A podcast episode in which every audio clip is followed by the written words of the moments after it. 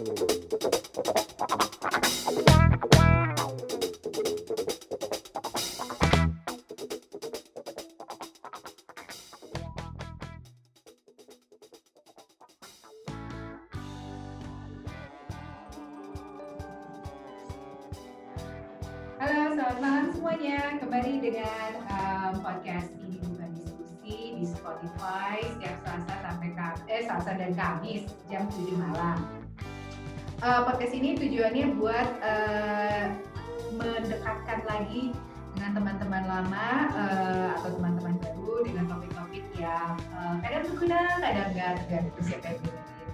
Uh, untuk topik bulan ini uh, topiknya tentang pandemi tapi lagi di luar negeri. Jadi penasaran kan ada orang-orang yang tinggalnya bukan di Indonesia dia menghadapi pandemi seperti apa. Uh, tamu kita malam ini adalah Yayu. Yayu sekarang lokasinya ada di Jepang. Di kota mana Yu? Eh, sekarang di Yokohama. Halo Yayu, apa Halo. kabar? Baik, hai Mel, Baik. apa kabar? Oh kamu di Yokohama itu kayak di ini kayak di apa kartun-kartun Jepang zaman dulu buku komik Alex Media Komputindo. Miss Modern. Lo baca tuh? Lo baca nggak? Gue gak baca, gak suka kartun Jepang. Nggak suka kartun. Oh kamu sukanya sebenarnya buku-buku sejarah ya? Kebeneran. Kebenaran. ya yuk, eh, udah berapa lama tinggal di Jepang? Eh, kayaknya ini tahun keempat ya, kalau diurutin dari dulu. Tahun balik, keempat. tapi kan. Kenapa bisa bolak-balik gitu? Hmm, karena suami gue pindah-pindah. Ya udah itu aja. Terus pas bolak-balik itu maksudnya dari soalnya kan Yayu pernah tinggal di Bandung, di Jakarta, Bekasi, Bangkok, Shizuoka, Chiba, Yokohama. Hmm. Itu pindah-pindahnya maksudnya pindah kota atau sempat keluar dari Jepang? Oh, sempat keluar dari Jepang. Jadi eh, kem- pertamanya di Shizuoka, terus pindah ke Chiba dulu. Terus baru Hmm. kita ditransfer ke Bangkok, sempat balik lagi ke, ke Jakarta lima tahunan. Terus baru Oh. balik lagi ke sini. Lalu kemarin ke Jakarta sempat lima tahun. Lima tahun, lama ya nggak kerasa. Eh, eh, eh, kayak cuma dua tahun, enggak ya? Lima lima tahun, lima apa empat ya kayaknya sekitaran segitu. Oh gitu. Terus balik balik lagi ke Yokohama kapan? Balik lagi Agustus tahun kemarin. Oh gitu. Oh iya iya iya.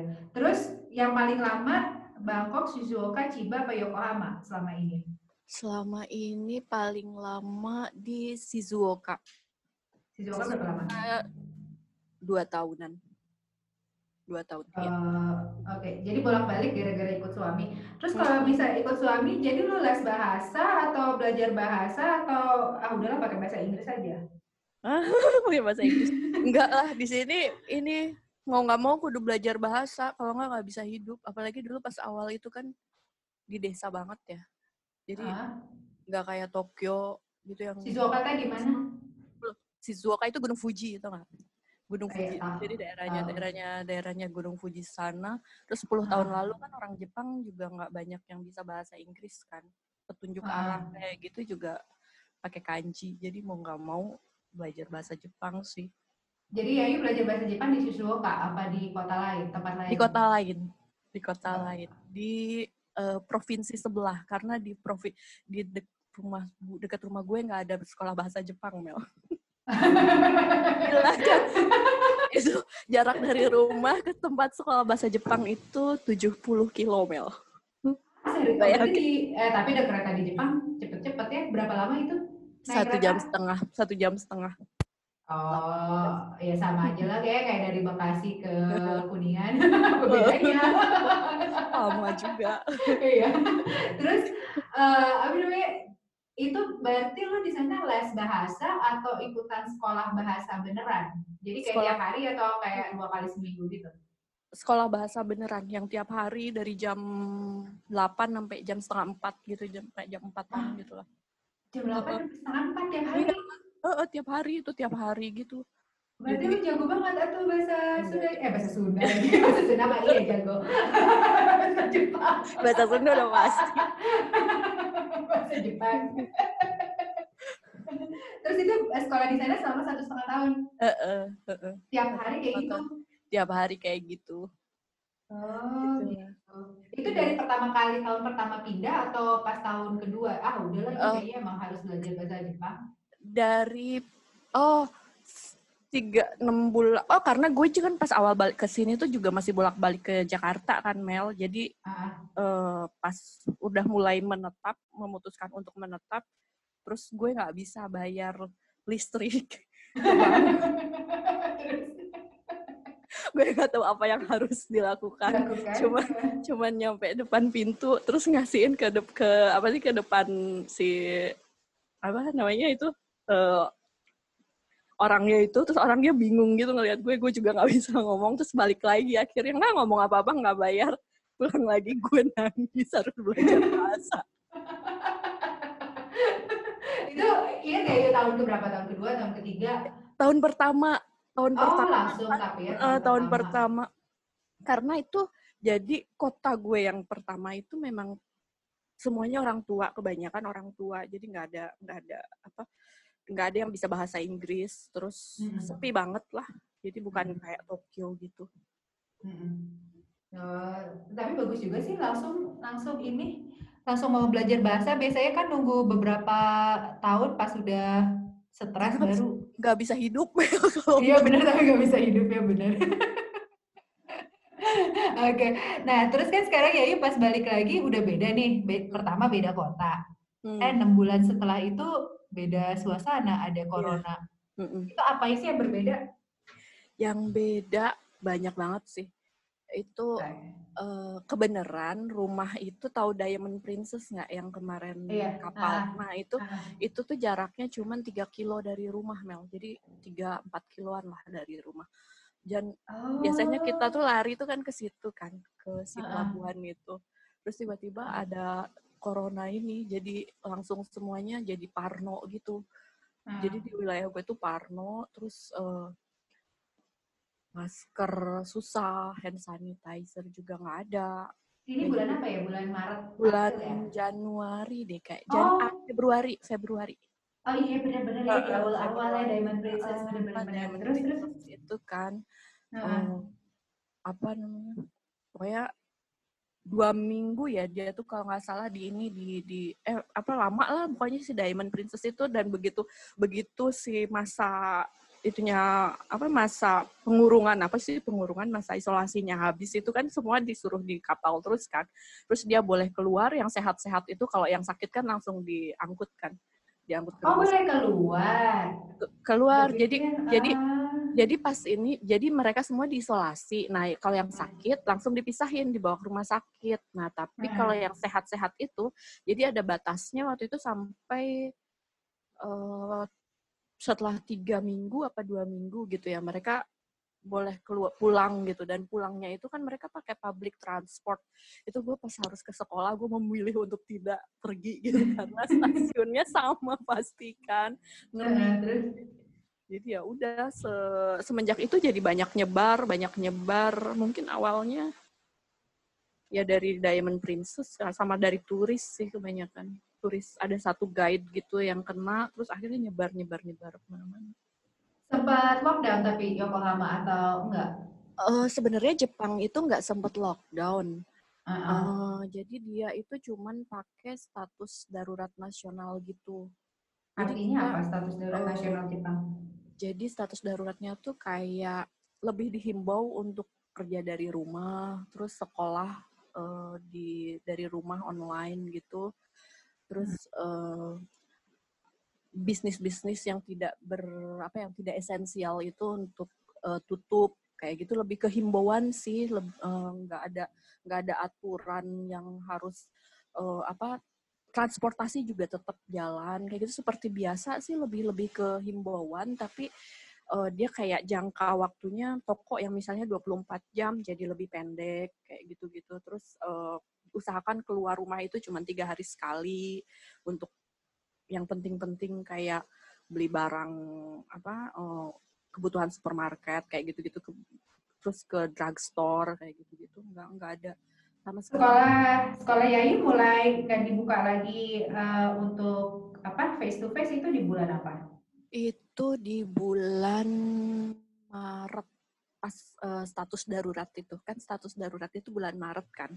Hmm. Jadi dia satu bulan setengah pasti uh, perdana menteri ngumumin status darurat nasional, ya udah hmm. semuanya kantor-kantor juga mulai WFH. Gak semua kantor tapi ada beberapa yang kayak biasa. Jadi suaminya Yayu, suaminya Yayu tapi kerja di rumah atau kerja dari rumah, tapi sekarang begitu darurat nasionalnya udah dicabut, ngantor lagi Loh, udah tiap hari. Dicabutnya kapan? Yuk. Mei. Oh, udah Mei. Udah ya. udah lama. Tapi nah itu, jadi setelah dicabut itu kan ada apa karena ekonomi kita juga turun ya di sini mau ngadepin resesi kayak gitu-gitu udah udah ekonominya udah rada kolaps banyak banyak yang bangkrut terus uh, go to travel campaign kan si hmm. menteri pariwisata eh menteri ekonomi Jepang itu ngadain go to travel nah itu kita gelombang keduanya malah jadi lebih tinggi dari gelombang pertama Mel. Oh iya sih ya. Terus? Tapi setelah itu kayak ya udah kalau kadang-kadang suka mikir di sini tuh kayak santai santai banget sih nggak ada hukuman apa ya nggak ada kayak wajib pakai masker semuanya serba himbauan. Tapi eh, eh oh nggak pernah diwajibin sama sekali. Nggak nggak pernah nggak pernah diwajibkan. Jadi bahkan di Tokyo juga gitu. Iya, jadi kecuali mungkin ya kalau misalnya kayak kantor memasuki gedung ini wajib pakai masker kayak hmm. gitu gitu tapi tapi di public space gitu enggak enggak yang dan itu pun enggak ada denda gitu Mel jadi wajib tuh hmm. lebih ke wajib kayak himbauan yang hmm. uh, apa bukan yang menekan kayak kalau nggak make didenda atau ada hukuman kayak gitu nggak ada di sini nggak ada. Uh, eh tapi ya kalau gue perhatiin orang Asia kan emang dari dulu uh, pandemi nggak pandemi emang doyan pakai masker ya. Mm-hmm. Kalau di Jepang kalau kalau misalnya bentuknya cuma himbauan, apakah orang sadar sendiri pakai masker atau ada yang nggak pakai juga? Atau pakai masker tapi setengah kayak di Indonesia kan banyak nih kalau lihat di Jakarta pakai masker cuma nutupin mulut turunin ke bawah gitu biar hidungnya bisa nafas kalau ada kalau lain baru dinaikin. Kalau di sini sih 90% pakai masker ya. Yang nggak pakai itu siapa? yang nggak pakai orang-orang yang nggak peduli. Tapi 90 persen itu 90 persen kalau keluar rumah itu dari sejak sebelum corona juga sih mereka udah pada suka pakai iya, masker kan. Uh, nah iya, iya. ditambah ditambah ada pandemik gini jadi lebih banyak yang pakai. Anak-anak kecil di sini nggak nggak pakai masker sih di atas di bawah dua tahun itu nggak boleh nggak boleh pakai masker. Oh emang nggak boleh di bawah oh, nggak boleh. Ya. Oh gitu, Hah, menarik. Nggak, tapi kalau misalnya tadi 10% nggak pakai masker, itu lebih cenderung orang lokal, orang tua, orang muda, ABG, atau pendatang? Kira-kira menurut ya Uh, itu kebanyakan ABG ya. Padahal mereka bisa uh, uh. kesempatan lucu-lucuan ya. Iya, oh, tapi masker di sini kan monoton, Mel. Kalau nggak oh, pakai yang aneh-aneh. nggak ada cara. Gak maksudnya kan tuh kalau ke apa tuh yang di Jepang yang di Tokyo yang jalan satu jalan Harajuku ya? Harajuku. Uh, itu kan bajunya aneh-aneh tuh. Iya. Gue malah mikirnya harusnya ABG ini jadi kesempatan buat lucu-lucuan, enggak ya? Di sini, di sini monoton, makanya sirik aja di Indonesia kok maskernya lucu-lucu. Sini kalau nggak hitam gitu. Baru kayaknya baru sekarang-sekarang sih ada masker yang rada aneh, tapi itu juga dibandingin di sana mah nggak nggak yang gimana gitu. Si masker berapa yuk biasanya di sana yuk? Harganya masker yang lucu-lucu ya, bukan masker surgical mask gitu. Masker itu lucu-lucu, nggak ada. Ih, masalahnya nggak pernah nemu. Nggak pernah nemu. Gue penasaran tiap negara berapaan harga masker. Kalau yang biasa, Hmm. Kalau di sini tuh rata-rata gue lihat yang biasa-biasa ya, maksudnya yang umum dipakai dua puluh ribu sampai tiga puluh ribuan lah satu masker. Itu yang surgical bukan sih atau bukan, yang bukan bukan yang kain, yang kain. Oh, yang, yang kain. Ya. uh, uh. Uh. Kalau bukan yang bermerek karena satunya lima ratus ribu gitu ya, biasa. oh, di sini tuh kalau Oh, kalau yang kain akhir-akhir ini ada sih. Dia sekit sekitar ter, uh, kalau misalnya kemarin kan sempat musim panas jadi jadi dibilangnya masker yang menyejukkan gitu itu sekitar seribu yen lah Seribu yen itu berapaan? Seribu yen sekitar 120 ya, 119-an. 120 Ribu. ribuan. Seribu? Iya, heeh, sekitar Mahal. segituan. Iya, ya mahal. Tapi berarti orang-orang hari-hari pakai ini masker yang sekali pakai buang ya, si surgical mask gitu kali ya. Yuk. Halo. Ya, yuk. Halo. Halo. Ya, Halo. yuk. Halo. Ya, ya tadi sempat hilang. Oh. Oke, sorry. Nanti gue edit aja. Si Oh, oke. si tadi oh ya orang-orang berarti di Jepang pakai masker maskernya masker yang sekali pakai buang ya yang surgical mask gitu berarti ya bukan yang kain ya. Eh, eh, kebanyakan sih yang itu, kecuali pas kemarin musim panas banget.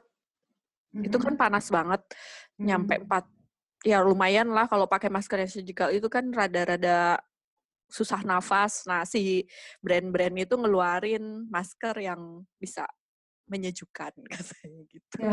Orang pada pindah ke masker kain. masker kain. Yayu parno nggak sih selama pandemi ini? Yayu sama suami Yayu atau biasa aja? Atau awalnya parno banget tapi lama-lama ya udah mau gimana lagi? Parno banget. Jadi karena itu karena terlalu dekat dengan si kapal itu kan awalnya. Jadi Iya sih. eh, eh, jadi benar-benar parno mau lari aja kita kayak yang ini nggak apa-apa kah gitu kayak gitu. Tapi lama-lama ya mau nggak mau ya hidup harus jalan. Jadi ya udah Eh. sekarang sih udah udah agak lebih bisa nerima, udah tahap nerima kayaknya. Udah tahap nerima gitu. Jadi paling protokol kesehatan sih yang tetap di ini kayak keluar apa abis abis balik dari mana langsung mandi baju dicuci kayak gitu barang dilap kayak gitu gitulah Kalau tapi orang-orang kayak di taman gitu masih banyak yang kumpul atau jarang? oh banyak karena di sini tuh justru disaranin buat nggak kumpul di dalam ruangan jadi kalau Hmm. misalnya ngadain acara gitu kebanyakan pada di taman terus laut kebanyakan kayak gitu gitulah pinggir pantai gitu maksudnya terus eh, Mhm. taman kayak gitu event olahraga juga sekarang udah mulai udah mulai ada lagi benar-benar udah kayak biasa Iya kan apa ini kan Yayu nulis katanya achievementnya adalah selama 2 sampai 10 tahun terakhir mulai olahraga. Olahraga gara-gara tinggal di luar negeri ini mah ya.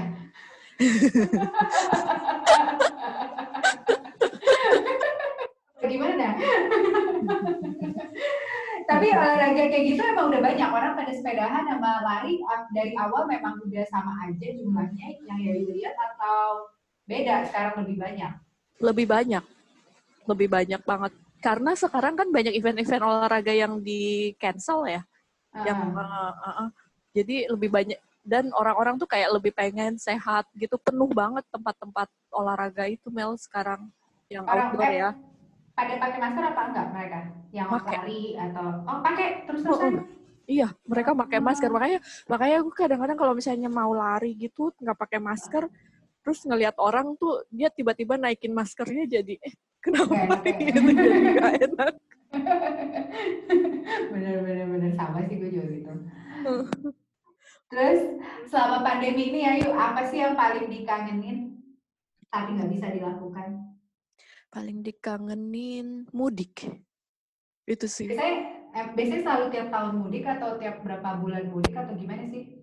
biasanya pasti mudik ini ini tuh terlama ini udah satu tahun lebih kan ya ini terlama yang nggak nggak mudik gitu jadi lumayan kerasa banget Sebenarnya kalau lu pulang ke Indonesia nggak bisa balik lagi atau apa alasan? Apa males aja karantina karantina terus dua minggu dua minggu? Kalau kemarin sih karena nggak bisa balik lagi jadi meskipun kita punya status eh, tempat tinggal di sini kalau Hmm. dari Indonesia tuh nggak diterima gitu Mel jadi eh, Ah. Eh, eh, rada susah. Kalau sekarang kayaknya udah eh, udah mulai ada kelonggaran, tapi kayak harus ngurus surat yang lumayan berbelit-belit dan datang ke sininya tuh kayak harus karantina lagi, terus nggak boleh pakai public transport kayak gitu-gitu. Jadi lumayan rada ribet. Si karantinanya disediain sama pemerintah atau suruh isolasi mandiri? Kalau ada tempat tinggal sendiri bisa isolasi Ah. sendiri, tapi kalau misalnya nggak ada itu disediain dari pemerintah. kalau misalnya ya, you misalnya pindah eh, ke Indonesia, terus balik kan berarti turunnya kalau nggak di Narita di Haneda. Hmm. Dari situ naik pesawat lagi ke Yokohama atau biasanya naik public transportation? Uh, public transport, jadi pakai kereta gitu biasanya. Ah. Tapi sekarang Ah. tuh nggak boleh. Jadi harus dijemput pakai mobil pribadi gitu, nggak boleh bis, nggak boleh kereta, nggak boleh pesawat langsung. Oh, jadi oh oke oke. Oh Hmm. iya sih. Kalau orang Indonesia nih sekarang pengen jalan-jalan ke Jepang berarti nggak bisa? Apa bisa? Nggak bisa, nggak Sama bisa, sekali nggak bisa. sama sekali nggak bisa. Hmm. Ya, Sama sekali nggak gue bisa. batal deh besok ke Jepang. Gue Wah, udah nungguin Mel, udah nungguin. Pernah kemarin 8 jam di Jepang. Cuman makan doang. Padahal deket banget ini dari bandara satu satu kali sih ini satu kereta loh. Oh iya, kan oh. telat. Aduh ya yuk, nggak kerasa ini udah 20 menit. Seru-seru dapat informasi baru tentang Yokohama. Soalnya kan selama ini dengar-dengar orang ceritanya Tokyo, Tokyo, Tokyo. Di berita juga Tokyo, Tokyo, Tokyo. Gue sampai nggak pernah kepikiran Yokohama tempatnya si Diamond Princess berlabuh. Padahal Jadi deket banget. Nanti mainlah ke Iya. sini. nggak mau ini nanti kena corona. Deket kapal ya. Dekat kapal. Ya yuk, ada yang mau diiklan-iklanin nggak? Kan dengar-dengar baru bikin buku nih. Oh iya. Jadi malu. Jadi hasil hasil ini kebanyakan di rumah. Iya kalau ada yang suka. Sebenarnya eh, ini sama teman-teman ini sih eh, teman-teman penulis pemula yang sebenarnya tapi yang pemula gue orang? doang. Eh, sembilan orang. Hmm. Sembilan Oh, orang. ceritanya bisa pisah atau jadi satu? Eh, pisah-pisah. Jadi kita bikinnya tuh ada yang tiga orang di Jepang, enam eh lima orang di Indonesia, sama satu di Australia. Terus kita bikin eh, cerita fiksi, settingnya itu tentang sagar budaya di Indonesia. Jadi ceritanya sih fiksi, tapi settingnya Ah. pinjem cagar budaya di Indonesia. Jadi ya kalau ada yang tertarik boleh boleh. Ini fiksi ya, jadi jangan Fiksi. jangan merasa pas dari cagar budaya, aduh takutnya ngerti. Iya, ini fiksi. Iya, ini fiksi. Cuman kita pengen pengen cari cara untuk menyampaikan kecintaan, halah kecintaan. Eh, apa Hmm. biar anak-anak muda itu tertarik lagi ke cagar budaya kita gitu, ke heritage Iya. kita, tapi dengan cara yang lain gitu. Cari cara Ya. biar nggak bosen. Contoh cagar budaya yang disebut apa aja yuk? Kalau di ah, ada ada Borobudur, terus Hmm. ada Kota Tua Jakarta juga, ada tentang apa kelenteng tertua di Indonesia kayak gitu. Oh, seru, seru, seru. Bisa beli dibeli di mana yuk? Eh, sekarang sih masih open PO, kalau ada yang tertarik boleh langsung DM. DM ke siapa? Kasih tahu temannya ya. Oh iya, boleh DM ke eh, Novianti Yayu atau langsung ke eh, The Heritage Opera. At the Heritage At Opera. The, at The Heritage Opera. Oke, itu Instagram semuanya ya. Iya, Instagram. Oke, oke deh kalau gitu ya yuk terima kasih ya. Um, terima kasih kepada Yayu, terima kasih juga kepada bukan diskusi. Um, Kalau suka boleh di follow, kalau nggak suka diem aja ya.